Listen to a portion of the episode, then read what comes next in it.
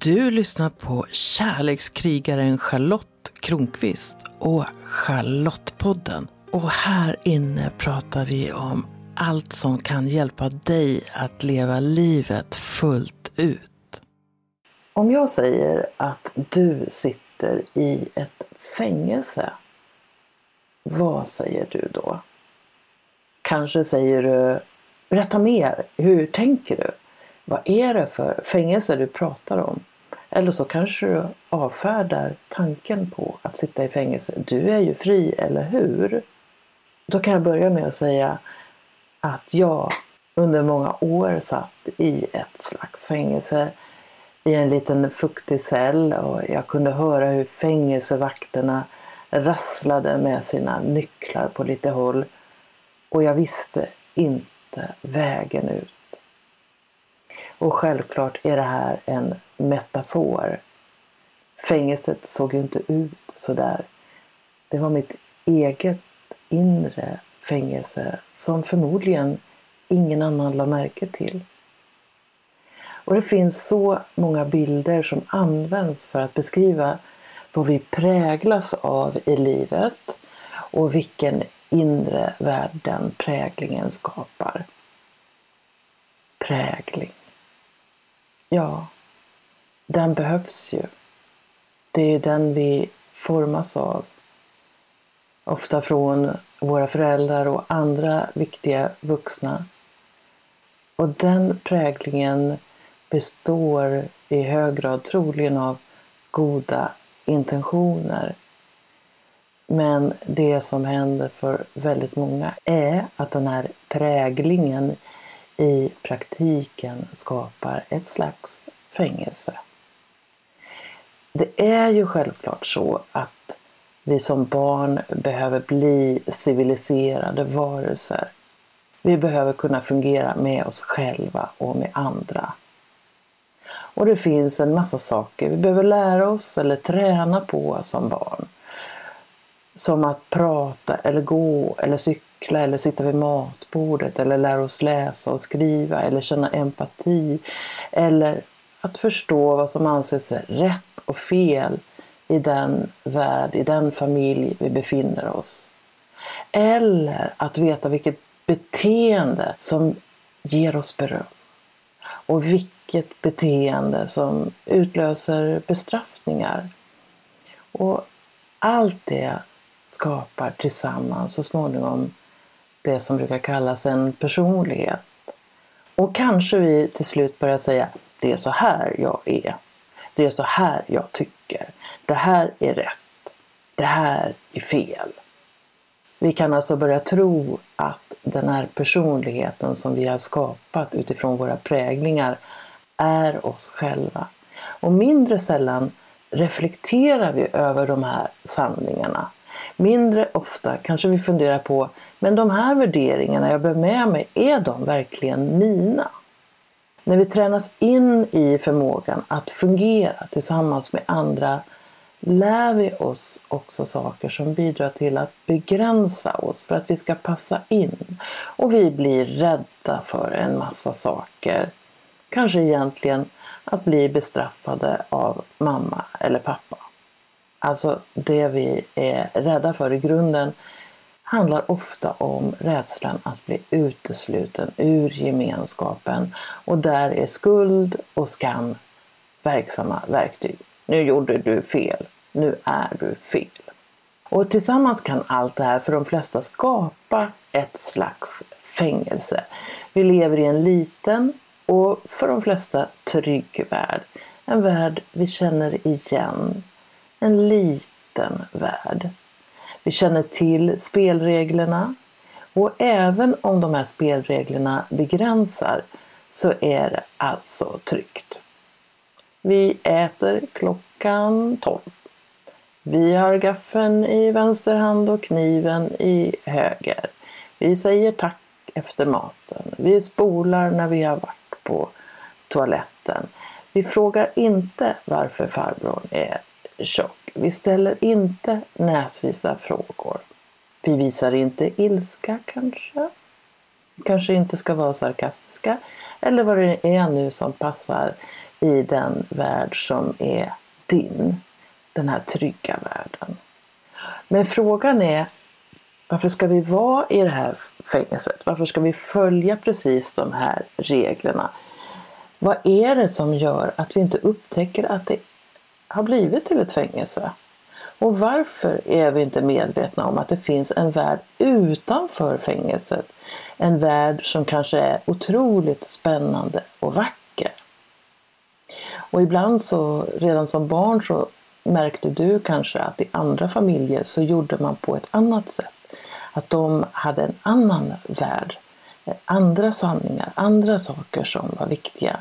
Det är liksom ett tecken på det där att vi skapar olika världar som kan bli fängslande på olika sätt. Jag minns tiden då mitt första äktenskap var på väg att ta slut. Då hade jag en rad talande drömmar. Och i en av dem så befinner jag mig inuti ett jättestort garage. Kanske på ett shoppingcenter.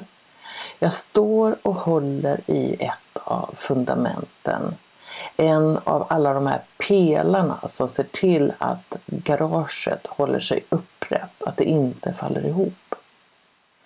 Och jag kan ju inte gå därifrån för att jag är en av de här pelarna, eller jag tar en av pelarnas plats.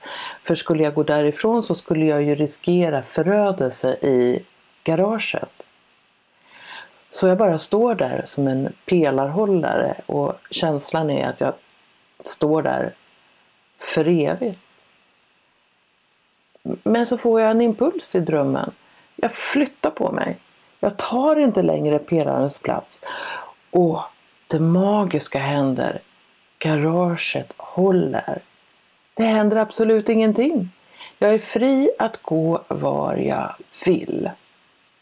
Vad som utlöser den där känslan av att leva ett begränsat liv i ett fängelse om du vill kan självklart vara en rad olika saker. Ibland kan det helt enkelt handla om att livet inte fungerar längre. Att det blir för mycket att förhålla sig till de här begränsningarna som finns i livet. Att man får en känsla av att explodera, att någonting måste hända. Och för mig var det första mötet med fängelset och fängelsedörren omtumlande. Det var som att gå från en version av Charlotte till en annan. Det var som att själva medvetenheten gjorde att jag uppgraderades minst ett snäpp. Det var som att jag på en sekund såg en annan möjlig värld. Och jag blev livrädd. Hur skulle jag kunna öppna dörren till fängelset? Och vad skulle jag finna utanför den? En av de största fördelarna med att leva så som man tror att andra förväntar sig av en är att livet då kan kännas hyfsat förutsägbart. Det kan kännas som att livet är under kontroll även om det också är en illusion. Det kan kännas som att det är okej okay att böja ner blicken, knyta handen i fickan, ha tråkigt, känna sig missförstådd, vara irriterad och frustrerad eftersom gåvan du får i utbyte är trygghet. Den dagen allt förändrades berättar jag lite mer om strax när jag läser kapitel 46 ur min bok 100% Charlotte, ta ditt inre ledarskap som handlar om att lämna fängelset. På ett sätt är det ett av de viktigaste kapitlen i boken.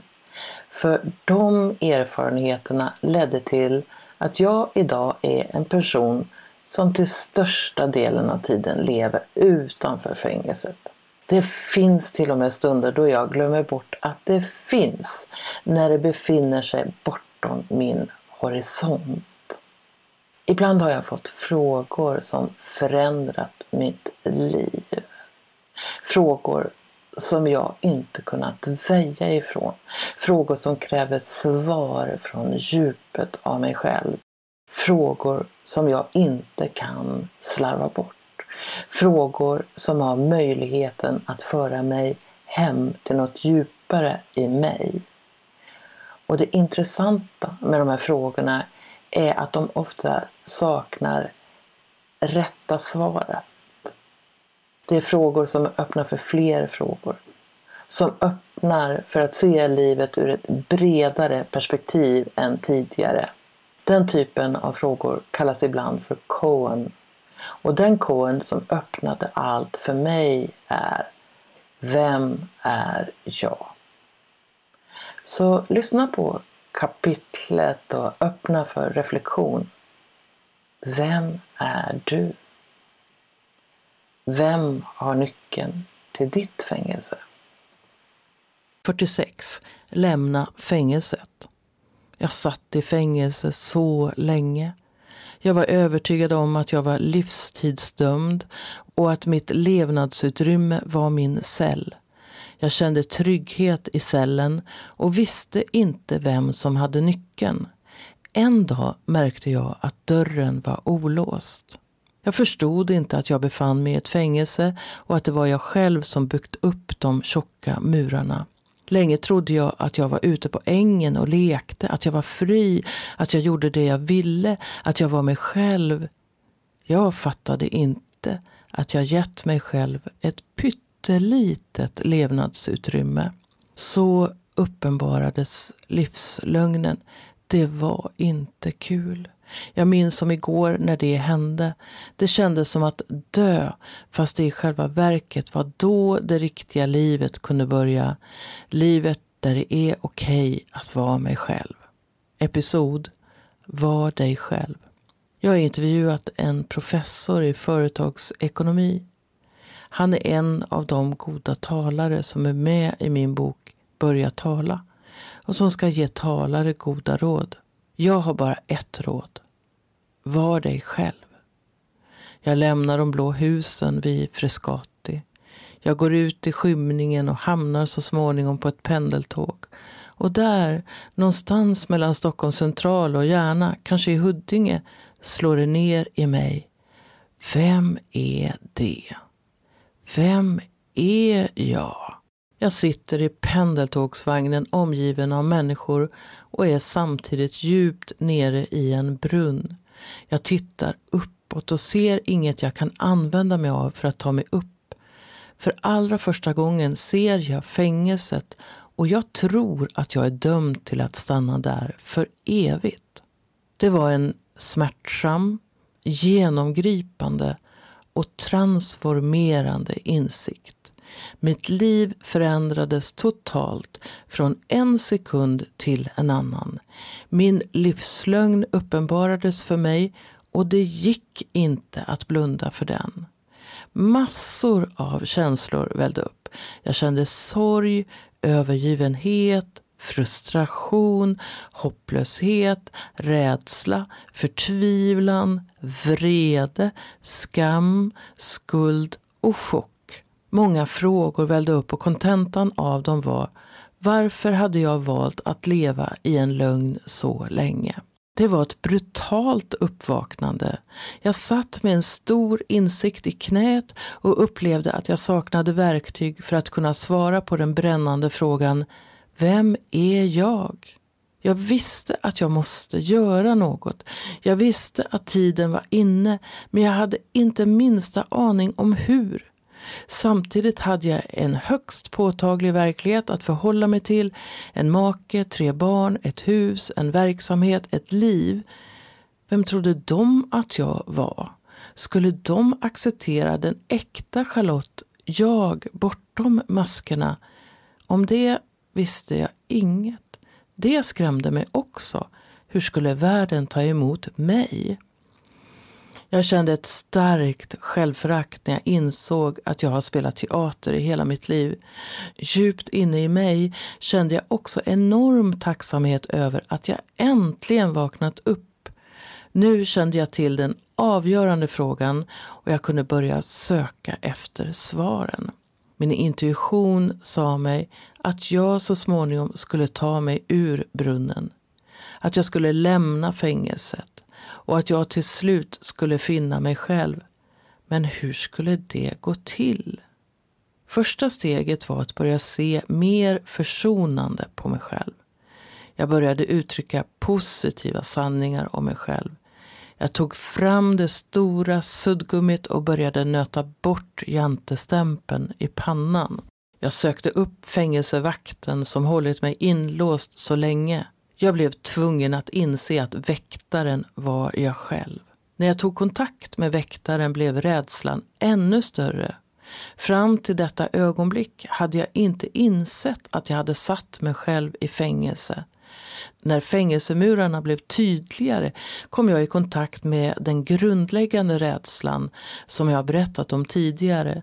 Rädslan för vad jag skulle finna, rädslan för monstret. Det fanns en annan kittlande rädsla. En rädsla som var parad med skräckslagen förväntan och den var, vad väntar mig utanför fängelsemuren?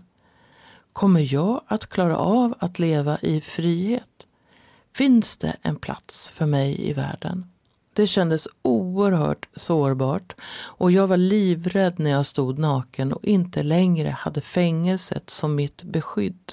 Det har gått mer än 20 år sedan den dagen. Idag är fängelset en ruin. Jag är samma och en annan. Jag känner tacksamhet för att insikterna kommer i etapper så att jag klarar att ta emot dem. Idag trivs jag på ängen. Jag ser att min värld är obegränsad bara jag tillåter det själv. Din läxa. Gör en bild av ditt fängelse. Vem har nyckeln? Ja, nu har du lyssnat. Kanske får du impulsen att rita en bild av ditt fängelse. Kanske vet du redan att det bara finns en person som har nyckeln till det. Ja, du vet det redan. Det är du som har nyckeln. Det är du som behöver sätta den i låset. Det är du som behöver vrida om den. Det är du som behöver öppna dörren. Och vart kan lekfullheten och nyfikenheten ta dig? Vad är det som väntar där ute? Jag har varit medveten om mitt fängelse i mer än 20 år nu. Och skulle jag idag möta kvinnan som stod inför skilsmässa runt tusenårsskiftet, vad skulle jag kunna säga henne? Vem skulle hon se? Kanske hon skulle bli både upphetsad och rädd. Jag vet inte. Jag vet bara att den jag möter och den du möter är så mycket mer av den jag är än jag var medveten om då. Och så skön luften är att andas här i den mer fria världen. Som du märker om du följer Charlottepodden eh, så läser jag och reflekterar kring ett avsnitt av 100% Charlotte, ta ditt inre ledarskap ungefär vartannat avsnitt. Och kapitlen kommer lite huller om buller och det som styr vilket kapitel jag vill reflektera kring är en blandning av impulser och intuition. Och vill du läsa eller lyssna till boken i ordning och få kläm på alla reflektionsfrågor, alla 52 reflektionsfrågor, ja, då kan du självklart köpa boken. Pappersboken finns eh, både hos nätbokhandlarna och i min webbshop. Och köper du den direkt utav mig så skickar jag såklart en hälsning till dig. Och ljudboken hittar du i nätbokhandlarna för det är något tekniskt digitalt som gör att jag inte kan sälja den själv. Men först av allt, hur vore ditt liv i frihet? Pröva att meditera en stund över det. Kärlek till dig från din kärlekskrigare Charlotte Kronqvist. Tack för att du lyssnar. Kom ihåg att prenumerera på Charlottepodden så att du är med när nya avsnitt kommer. För vem vet vad du kan få lära dig om livet i det avsnittet? Rekommendera gärna podden till en vän så är du med och sprider vetskap om att den här podden finns och berätta vad den ger just dig. Jag skulle bli så glad om du också går in i din podcast-app och lämnar en kommentar eller skriver en recension av podden. Ju fler som gillar podden öppet, desto fler kommer också att hitta den.